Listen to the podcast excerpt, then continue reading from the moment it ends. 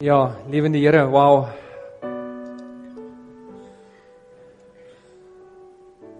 Wat 'n ongelooflike voorreg om net dan te dink dat ons in die teenwoordigheid mag wees.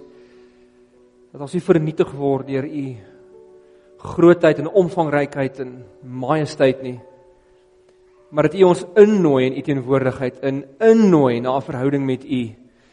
Here, dis 'n grootse gedagte vir ons en ons ons vra U Here help ons om om dit te onthou. Nou in vanmiddag wanneer ons eet, vanaand in ons ons koppe neerlê, en môreoggend wanneer ons opstaan en môre wanneer ons in vergadering sit en voor 'n rekenaar sit en môre aand wanneer ons by die huis kom en ons geliefdes groet. Help ons om te onthou ons leef in U teenwoordigheid. Die heilige Here, die opgestane Christus. Die begin en die einde. Ons eer U Here Jesus en almal antwoord saam. Amen. Selfs in die teenwoordigheid van die Here gebeur daar partykeer goed wat wat wat vir ons nie lekker is om te hoor nie. En wat en, en beleef ons partykeer gevoelens en emosies wat vir ons glad nie connect met ons geloofslewe as sulks nie. En ek het ek, ek onthou so rukkie terug. Dis nie dat dit nie connect met ons geloofslewe nie. Dit connect wel met die boodskap van die Bybel, Maar dit is vir ons moeilik dink ek om te hanteer as mense. En een van die dinge wat ek ruk terug my regtig regtig my hart aangegryp het was toe ek die huisgenoot oopmaak en dis 'n boek wat ek nie baie lees nie, ek beloof. Toe ek sien die storie van Dana Snyman en uh, en sy verloofde Anet uh, en hulle het verloof geraak in Junie maand. Uh, hulle het mekaar ontmoet so so ruk terug. Reg 'n um, 'n baie belowende verhouding begin en maar sy was 'n depressieleier gewees en hy het by haar gekuier en uiteindelik het sy teruggery Bloemfontein toe en die die woorde wat hy sy vir hom gesê het voordat hulle teruggery is wie ek voel eintlik so nutteloos. En toe sien hy Bloemfontein kom uh so 'n paar uur later toe kry Dani die boodskap dat sy selfmoord gepleeg het. En sy het net vir hom 'n baie baie kort briefie gelos waarop staan alles is net te veel. Ek is jammer. Liefde Anet. Dit wat binne in ons gemoedere aangaan soos in Anet se kan lewensgevaarlik wees. Of dit kan lewegewend wees. En ek onthou ek het by 'n huisgenoot voor my gesit, lank knop in my keel gehad en ek het met 'n traan afvee en ek my vrou kom later op die stoep uit en vra wat sit jy so en ek sê ek ek weet, ek weet nie hoekom hierdie ding my hierdie in my so aangryp nie, maar ek kyk na hierdie beautiful vrou En kyk na, kyk hoe gelukkig is hulle toe hulle saam was. Wat het hier gebeur? Maar so uniek soos dit elke situasie is, is dit ook nie altyd heeltemal uniek nie. Jy het la, laasweek gepraat oor die die vreemde tyd hierdie jaar. Ek weet nie of julle weet nie, hierdie tyd tot die einde van die jaar is wanneer die meeste selfmoorde plaasvind. Ek wil nie volgens oor selfmoord plaas uh, praat nie. Ek wil eintlik net praat oor die toksiese gevoelens en emosies wat binne ons wat binne ons rondwoel veral in hierdie tyd van die jaar waar dinge so druk is wanneer dit so dis lente jy weet jy voel daar kom nuwe lewe maar terselfdertyd voel jy jy het nie iets of baie mense voel hulle het nie iets om voor te leef nie maar vir ons wat die lewe so hard druk bring dit bepaalde gevoelens na vore Partykeer is dit toksiese toksiese gevoelens. Partykeer is dit gevoelens wat ons mee moet deel en omdat dit so vinnig gaan, omdat dit so vinnig beweeg, kry ons nie regtig tyd om daarmee te deel nie. Want dinge beweeg net eenvoudig te vinnig. Nou iets so selfmoord is natuurlik ekstreem. En dit gebeur nie met almal op dieselfde manier nie, maar wie jy selfs 'n selfmoord begin net met die eerste negatiewe gedagte. Die eerste toksiese gedagte. En daarom, as ons vanoggend praat oor toksiese eh, gedagtes of gevoelens, praat ons oor allerlei dinge soos woede, hartseer, depressie, angs, onsekerheid, liggeraaktheid, enigiets van hierdie goeters wat belangrik is. Maar as daar's min flieks wat wat vir my hierdie geweldige toksisiteit van emosies so goed uitbeeld soos hierdie fliek Brothers. En ons gaan vir julle vinnig net 'n klip wys. Die storie ehm um, word vertolk deur Toby Maguire en uh, Jake uh, Gyllenhaal speel die hoofrolle saam met uh, Natalie Portman. En Toby Maguire is met haar getroud en dan gaan hy oorlog toe. En dan kry hy die boodskap dat hy is missing in action. Liewer hy hy's eintlik hulle aanvaar, hy's dood. En, en dan begin daar 'n spontane verhouding ontwikkel tussen haar en sy broer, Jake Gyllenhaal. En uiteindelik is hy nie dood nie en hy kom terug. En jy kan nou dink die interessante emosies wat afspeel. Dit moet 'n baie interessante eetkamer gesprek wees daai. Maar kom ons kyk net vir 'n paar oomblikke na 'n na gedeelte uit hierdie fliek uit. En dan gesels ons vanaf verder. So, what do you do? No. Oh, I. I'm gonna be a nurse. I'm in nursing school. Give it! Open Give your it! arm. Dad! Isabel, That's my kitty. you're a nurse. I'm a nurse, sir. you need a nurse? Isabel, I do. Maggie gets everything. she got the best doll. It's her birthday, honey. I didn't get anything that I wanted on my birthday. And you were in stupid Afghanistan.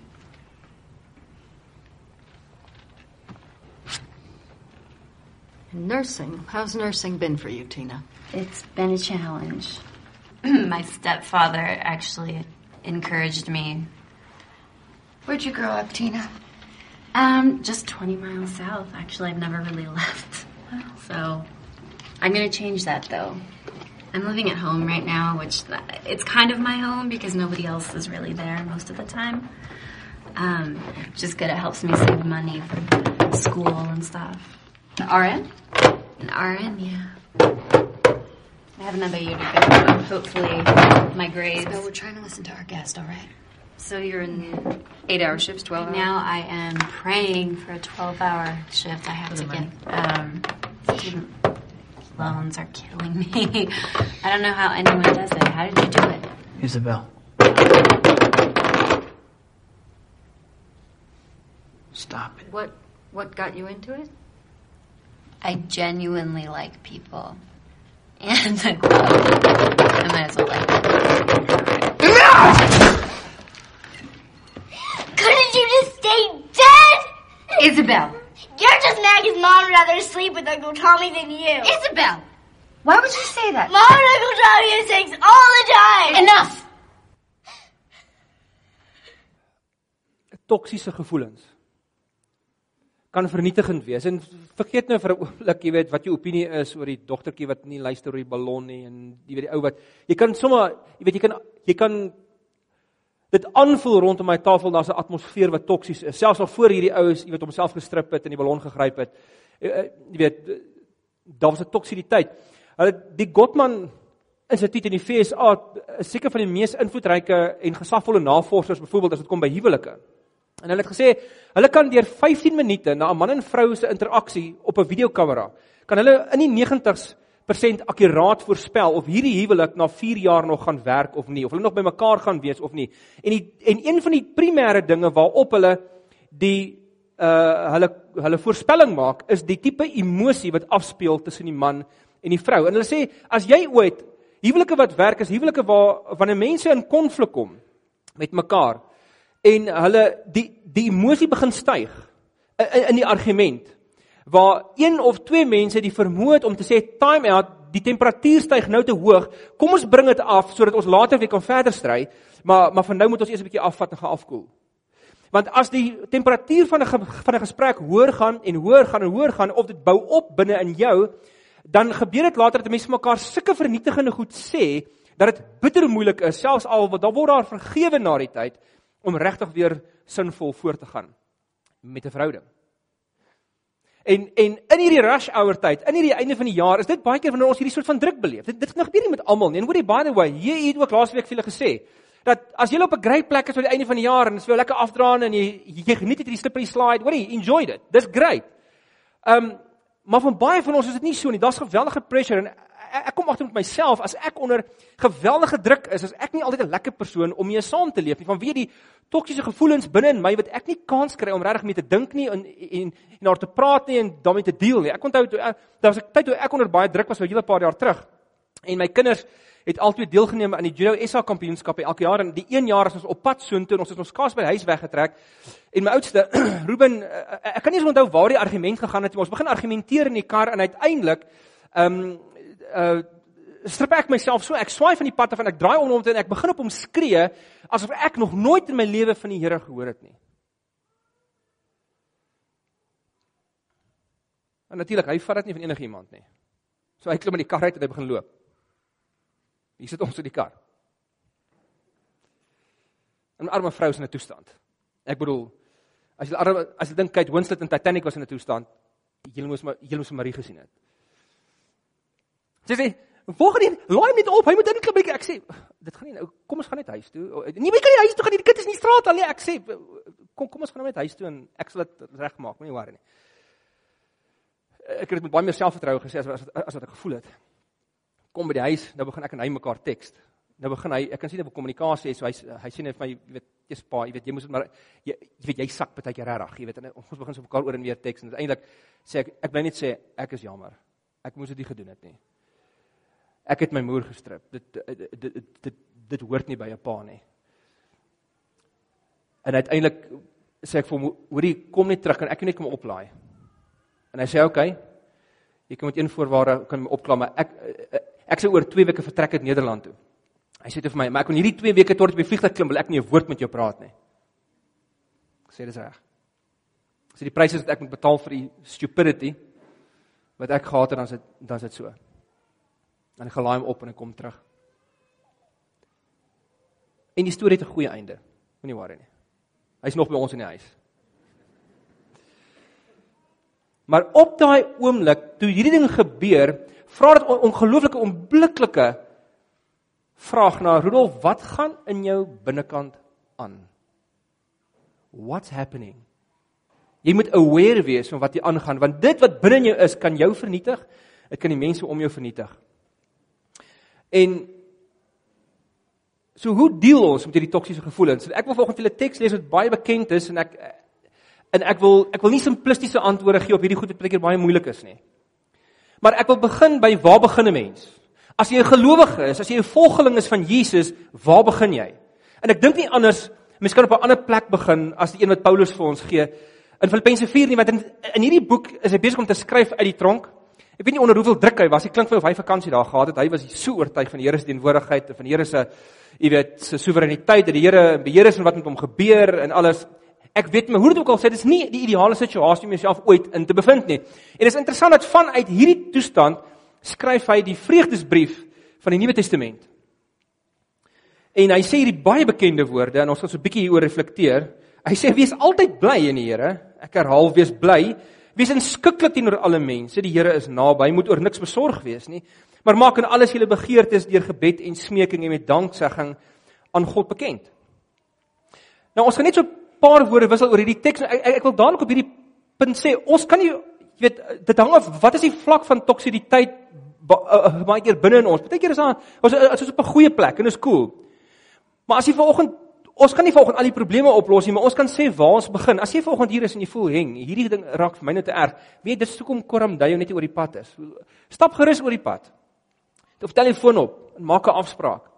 En kom by die ouens uit. Maar waar begin ons? En ek dink die teenvoete vir toksiese gevoelens, dink ek is gevoel van al bewondering, 'n gevoel van vreugde binne in elkeen van ons. Maar hoe begin dit? Waar waar kan ons regtig begin? Hoe kry Paulus dit reg om vanuit waar hy sit in 'n baie onideale situasie hierdie brief te kan skryf en hierdie ding te kan hierdie goed te kan sê oor vreugde. Ek het 'n paar dinge, 'n paar punte wat ons volgens 'n bietjie na kan kyk. Die heel eerste enetjie is is net dit. Onthou jou God gegee vermoë om te kan kies wat binne in jou aangaan. Eh, dis nie heeltemal so eenvoudig nie, maar kom ek verduidelik wat ek bedoel. Die interessante ding van Paulus se woorde is, hy sê verbly julle. Nou dis 'n vreemde ding om vir mense te sê want blydskap konnekteer ons baie keer met emosie. Hoorie, voel nou goed. Ek sien seker of dit is wat Paulus bedoel nie, maar hy gee hulle 'n bevel. Asof hy kan sê, asof hy bedoel jy het beheer oor wat met jou gebeur. Nou dit is inderdaad so want die vroeë Christene ge, ge, gebou op op op die Ou Testament tradisie het 'n um, het 'n manier van vreugde gehad of dissiplines in werking gestel sodat vreugde 'n permanente constituency van jou innerlike wêreld kan wees sodat vreugde en en en ehm um, uh, joy en vriendelikheid sodat jy kan oorvloei daarvan. Jy kan dan oor dinge in plek sit. Jy's nie 'n victim nie. Wanneer jy op 'n sekere oomblik so reageer, 'n impuls kry van iemand af wat jou kwaad maak en jy reageer op so 'n manier, moet jy weet, dis omdat jy al vir 'n geruime tyd nie sekere dinge in plek gekry het, jou kop reg gekry het sodat wanneer daar druk op jou is, dat jy 'n rustigheid kan openbaar en dat jy net kan bewus wees van die teenwoordigheid van die Here nie.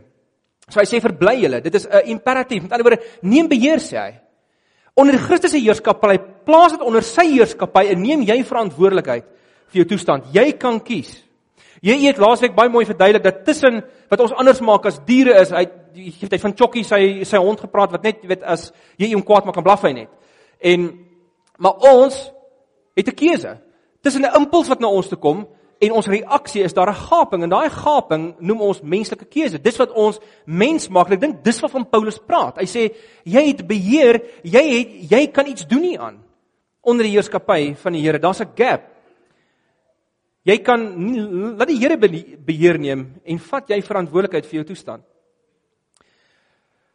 Uh William Ernest Henley het daai baie bekende gedig geskryf Invictus en um, Nelson Mandela het vertel dat toe hy in die tronk was, het, uh, hoe hierdie hoe hierdie gedig hom geïnspireer het pertinent ten opsigte van vergifnis wat hy moes hê uh eens die mense wat hom daar in die tronk gehou het in 'n deel die gedig eindig met daai woorde I'm the master of my fate I'm the captain of my soul I'm the master of my fate I'm the captain of my soul. En natuurlik, as ons dit bietjie Christelik interpreteer, ons is nie seker of of Henley 'n Christen was nie. Meeste mense sê nee, hy's tot volslaa ateïs. Ander mense sê sê wie nee, die gedig het Christelike klanke ook. Ons is nie heeltemal seker nie.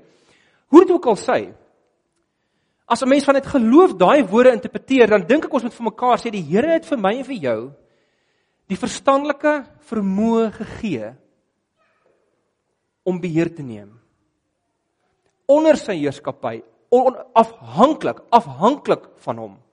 Biddend afhanklik van hom. En daarom is aksie 'n verskriklike belangrike ding. As jy voel dat dis waar jy is, heng hierdie hierdie jaar is druk, dat dat moet jy seker maak jy neem die regte aksie. Jy nie jy, jy doen die regte ding om seker te maak dat jy rustig raak, dat jou dat jou gevoelens hanteer word en dat jy nie die mense om jou skade doen uiteindelik nie. En die interessantste goed wat neurowetenskap nou vir ons leer, die laaste paar jaar van navorsing is dat ehm um, wat laat jou beter voel? Wat laat jou brein die chemikalieë afskei wat jou laat beter voel as mens?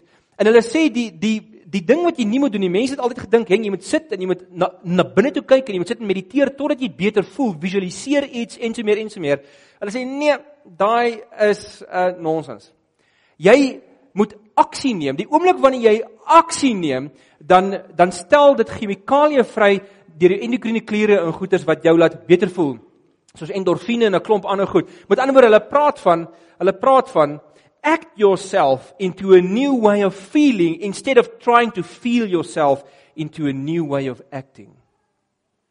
Dan word neem beheer hieroor. Neem die eerste aksie. Doen wat nodig is. Onthou jy God gegeewe vermoë om te kan kies. Tweede enetjie. Onthou wie jy is. Onthou wie jy is. Nou een van die my favorite movie reekse of all time is die Born Identity series. Dit is baie myl, ek weet, geen vrou hou van die goed nie. Ons ouens is sakkers daarvoor. Alraai. Maar een van die scenes wat ek in 'n heel eerste fliek nooit so nooit so vergeet nie wat so impak op my gemaak het is okay hy hy dryf natuurlik in die water in die begin van die fliek hy het nie 'n klou wie hy is hy het geheue verlies hy weet nie wie hy is hy ken sy nie ek ken nie eers sy naam nie in al uh al stukkie evidence wat hy het of al stukkie uh getuienis wat hy het wat hy kan navolg is hierdie uh ding wat in sy rug afgeplant was wat as jy dit in die muur skyn met so liggie dan wys dit vir jou uh, ehm uh, um, is soos 'n bankrekening. En dis al verwysing wat hy het. So hy weet nie, hy moet nou in Switserland kom, hy moet by daai bank uitkom, kyk wat in daai boks is dat hy weet dat jy weet miskien kan iets agterkom van homself. En hy kom toe uiteindelik daar met 'n lang storie en hy maak die boks oop en hier is 'n klomp interessante goed in daai boks. Daar's 'n pistool, daar's baie geld, maar so aan die regterkant kan jy sien daar's 'n klomp paspoorte. Hy maak hier sy eerste paspoort oop en daar staan toe Jason Bourne en hy sê vir homself, "Okay, so my name is Jason Bourne." En en en, en toe sê hy die ander. Toe maak hy die ander oop met sy eie foto. O nee, hy kan op hy kan ook William Kane wees, Michael William Kane. En hy eh, hy het 'n derde naam en 'n vierde naam en 'n vyfde naam. En dis presies wat gebeur met mense wat nie weet wie hulle is nie. As jy vergeet wie jy is, dan kies jy die dag wat se paspoort jy gebruik. Jy jy kies hoe jy vandag optree. Mense moet weet wie hulle is. Nou wie hulle is, daar's da, da, da 'n sekulêre manier om te kyk na wie jy is en dan is daar die manier wat die Bybel die Bybel vir ons gee. Die sekulêre die sekulêre manier met ehm um, hoe jy deel met wie jy is is hoe jy sê sê net vir jouself jy's okay. I'm okay. Jy staan voor die spieël, sê dit vir jouself, weet, jy's fine. Moenie worry nie. Jy gaan dit maak. You can do this. Jy weet, you worth it. Jy weet al daai nonsens. Paulus begin sy brief so. van Paulus en Timoteus dienaars van Christus. Antwoord hulle gesê het, boem. Dienaars van Christus. Jy en ek, as ons na die Here toe gekom het, as ons die knie gebuig het voor Christus, dan beteken dit ek en jy is sy dienaars of ons in rush hour is of ons by die huis tussen ons mense is of ons in 'n vergadering sit of ons op vakansie is, ons daai identiteit van my en jou verander nooit nie. Vroeger in die jaar het ons gepraat van hierdie dienaarskap is gebaseer op God se onvoorwaardelike liefde vir my en jou. Ons is geliefde mense en daarom is ons dienaars. Len Sweet het net 'n boekie geskryf met getiteld I'm a follower. Want hy sê ons leef in impulsgedrewe samelewings. Ons gedurende impuls en allerlei stemme wat na ons toe kom deur die deur bemarking en deur opinies in Facebook en social media en al die goed wat gebeur het. So ons dis ons maklik om 'n Jason Bond tipe ding te speel. As ek by die huis kom dan is ek hierdie persoon, as ek daar kom dan is ek daai persoon. En hierdie ding sê hy jou primêre identiteit is I'm a follower. Dis dit. Ek's nie 'n leier nie, ek's nie 'n dominee nie, ek's nie 'n bestuurder in die eerste plek nie. Ek is nie in die eerste plek 'n pa of 'n ma nie. Daai is rolle wat ek speel. My identiteit is ek is 'n dienaar van die Here altyd on mission. Altyd. Daarom kan ek nie ooit maak soos wat ek wil nie. Want ek is meer as dit. Daarom moet ek kyk na my gevoelens wat geopenbaar word. Daarom moet ek dink wat ek vir mense sê. Daarom moet ek moeite doen. Nou jou identiteit is ongelooflik belangrik. Nou moet ek sê ek werk baie keer in die besigheid en ek doen baie praatjies in met by besighede ook en ek het geen probleme vir my baie keer die grootste gemak om om 'n Bybelse idee te vat en om net so te omskep in 'n besigheidspraatjie sonder dat jy nou teksversies ingooi en die Here se naam noem of enigiets jy jy praat net oor die beginsel. Maar ek het al direk vir besigheidsmense gesê wanneer ons oor identiteit praat sê ek vir hulle jy sê moet my help. Ek ekskuus ek, ek kom vanuit 'n Christelike raamwerk. So as jy nou vanoggend hier is en jy ken Christus nie dan weet ek nie hoe moet jy te praat oor identity nie. Ek ek weet regtig nie Dan moet jy maar voor die spieël staan en jy weet I can do this, jy weet I'm good, I'm fine, jy weet jy weet I'm okay want ek ek, ek het nie veel meer om vir jou te sê nie. Jy ons kan ons identiteit net sinvol kry van iets groter as onsself, iets buite onsself, iemand buite onsself wat vir ons sê, iemand soos 'n skepper wat vir jou sê, ek het jou gemaak, ek weet hoekom jy is, hoekom ek sê vir jou wie jy is. En daarmee bedoel ek nie om krities te wees nie. Ek wil daarmee jou eintlik uitnooi deur te sê, "Jo, oorweeg hierdie ongelooflike identity wat Christus vir ons sê. Hulle het eendag vermoed het Teresa gevra in 'n onderhoud, "So who is Mother Teresa?" En sy antwoord toe so. Sy sê, "By blood I'm Albanian. By citizenship I'm Indian. By faith I'm a Catholic nun. As to my calling I belong to the world. As to my heart I belong entirely to Jesus." That's who I am. Ek hou so van hy laaste tweetjies. As to the calling, my calling, I belong to the world. As to my heart, entirely to Jesus. Moenie vergeet wie jy is nie. Jy het 'n Godgegewe identiteit. Dit verander nie. Hoe jy dit verteenwoordig kan verander. Hoe jy, hoe jy God verteenwoordig kan goed of sleg wees. Maar hierdie is jou identiteit act, leef, praat, dink vanuit jou identity en neem beheer onder die Here se heerskappy. Vinnige derde puntjie, let op jou verhoudings want die Here is naby.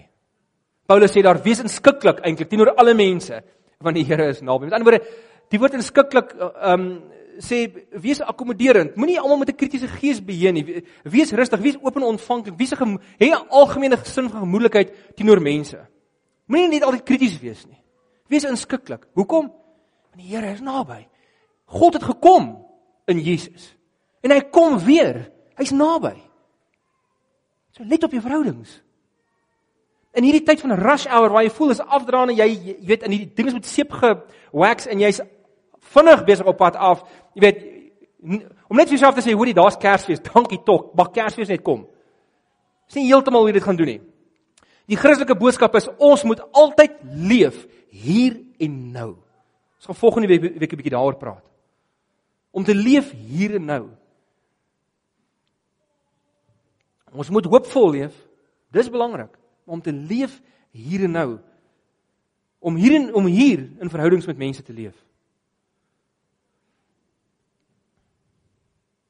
En mense kan jou baie help. As ek in 'n klein groep kom, trouens hierdie interessante navorsing sou vir julle baie baie interessant wees. Jou klein groep is in hierdie tyd belangriker as ooit tevore. Want ek ek vra ek het al baie vir klein groepe gevra vra van wie ek deel was. Hoorie, hoe beleef julle my? Beleef julle my jy as ek baie pedanties is, ek weet wys ek emosie. Ek wil ook volgende instap te vra iemand van my, wat pla jou? Dit dis wat community vir jou doen. Dis mense wat vir jou sê, hoorie, ek sien iets by jou. Is jy okay? En hierdie ding sê Robert Putnam, hy het 'n boek geskryf Building Alone, nou al 'n paar jaar terug, gebaseer op navorsing oor hoe ons mense community nodig het en hoe gemeenskapverhoudings en mense jou immuunstelsel opvat, dit vat jou harttempo laat dit afneem, dit herstel jou jou uh, bloeddruk uh dit, of dit, dit nie, jy weet dit invloed op jou bloeddruk.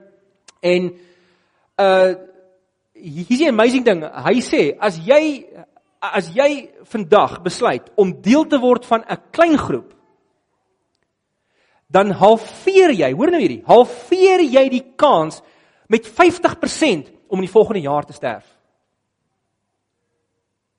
Hallo. Die Here weet wat hy doen. As hy sê leef in community. Let op jou verhoudings. Wees inskikkelik teenoor ander mense. Vier die enetjie. Vervang bekommernis met gebed. Die oomblik as jy angstig raak, Praat met die Here daaroor wanneer jy kan. Wanneer jy begin bekommer. Ek, ek hierdie klink so simplisties. Ek dit hierdie dit werk vir my.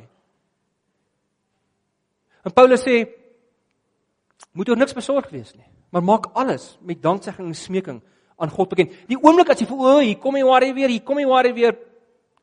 As jy kan in jou cubicle of in jou kantoor waar ook al sluit net gou af 30 sekondes sê vir die Here, ek gee dit net vir u werk hiermee asseblief. Of stel jy alarm van jou polshorlosie of jou selfoon vir elke 2 ure. Of laat dit net vibreer en net om te herinner in daai paar oomblikke. Dan sê net vir die Here, Here, U is naby. Ek weet. Vir Here, maak my rustig. Sodat jy kan bewus bly van die teenwoordigheid van die lewende Here in hierdie tyd. Jy het la, laasweek uh verduidelik in Johannes 10 oor die stem van die herder. Dat in hierdie tyd wanneer ons so baie stemme hoor en so baie dinge beleef, is daar 'n een stem wat ons klinkklaar moet kan erken uit al die ander stemme wat ons hoor. En dis die stem van die Here om jouself te center en jouself te ground, te groot te begrond in fundamentele realiteit, in goddelike realiteit. Die laaste enetjie en hierdie is so belangrik, leer weer dans en sing voor die Here. Ek bedoel hierdie met 100% erns. Wie in die westerse kulture en ons ryk kulture vandag is mense verskriklik selfbewus hoe hulle fisies lyk, hulle aantrek en hoe hulle, jy weet, is jy doen nie te veel goed, jy doen als cool, jy weet, jy doen nie te veel goeders met vreeslike uitdrukking nie. Maar weet jy van die belangrikste dissiplines in die tye van die vroeë kerk en natuurlik die Ou Testament was die was die dissipline van celebration. Soos ek net nou gesê het, was was was om om vir die Here te sing. En dit dit is van die belangrikste dissiplines in tye van rush hour. Want jy voel jy het nie tyd nie, want jy ek, hoor wat sê ek vir jou, is om baie keer net 'n bepaalde soort CD of 'n memory stick in jou radio in te druk met die regte soort musiek en laat jy net sing en jy sing in die kar, maak nie saak wie om jou kyk vir jou nie. You need this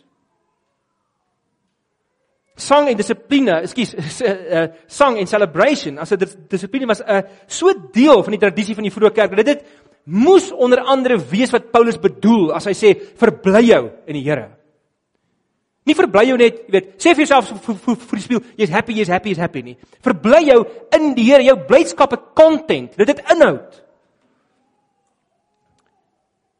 Verbly jou in die Here. Celebrate dit wat goed is in jou lewe, dit wat hy vir jou gee.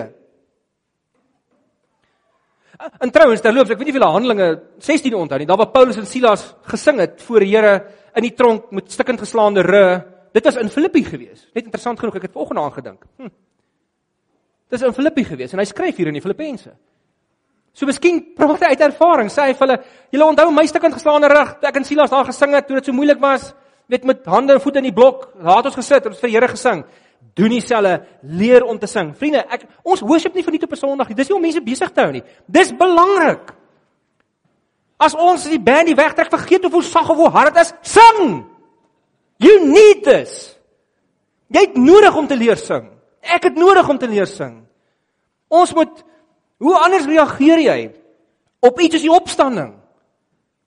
Want jy dink ek vir so iets woorde nie. As jy sien die Here het opgestaan, heng, gister was hy dood, hier staan hy nou. Wat wat, wat jy dink ek woorde nie. Al wat jy kan doen is sing.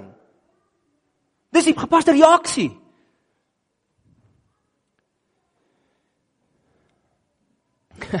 my dogter het my ongelooflik baie geleer oor hierdie ding wat ons noem joy. En om voor die Here te sing en te dans.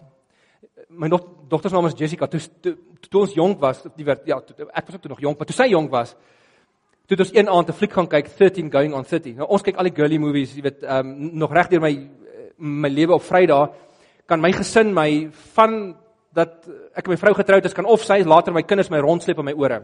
En, enige plek. Hulle kan besluit waar gaan ons, dis my afdag. So hulle kan my sleep na enige sleep enige fliek toe, enige restaurant toe, enige plek waar hulle begin dit dit moet nie bekostigbaar wees. Dis al. En nie te ver nie. So ek was al dieretuin by allerlei museums waar ek nie wou wees nie elke Vrydag. En girly movies is die een ding wat nog op my afgesmeer het. Ons gaan kyk hierdie 30 um 13 going on 30. En die aand kom ons by die huis en ek en Marie en Ruben lê op die bed en jy weet op, op ons dubbelbed en en Jessica is jy weet is tipies sy sê lekker nie. Jy weet sy's besig om te dans, ons het musiek op en sy en sy sê pappa, kom dans, kom dans. Ek sê nee man, liefie, ek is nie ek is al oud en jy weet getroud en ek kan nie meer nie en en sy sê nee, maar kom nou kom nou. Vir 'n oomblik dink ek, why not? Dis net spring haar op. En ek en sy begin dans. En ek ek weet nie of dit 'n dans kan noem wat ons gedoen het nie, maar ons het ons lywe rondgegooi en kom ek sê vir enige belly danser sou groen gewees het van julle Rosie as hulle my gesien het. Ek gaan dit nie vir julle doen volgende, ek wil graag hê julle moet terugkom volgende week. Maar En ewe skielik toe ek dit doen, toe verander iets binne in my. En ek raak lus vir wat ons nou doen. En ek moet sê my vrou en Ruben het maar in hulle backslidden mode gebly. Hulle hulle het nie hulle het nie die lig gesien nie. Maar ek het beter gevoel.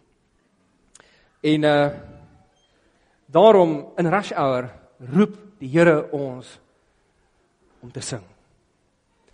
As jy julle ontvang die Here se seën, dis reeds julle sin raak bewus daarvan dat die genade vir ons Here Jesus Christus en die liefde van God ons Vader en die teenwoordigheid en die krag en die vertroosting van die Heilige Gees met julle elkeen is en elkeen antwoord. Amen.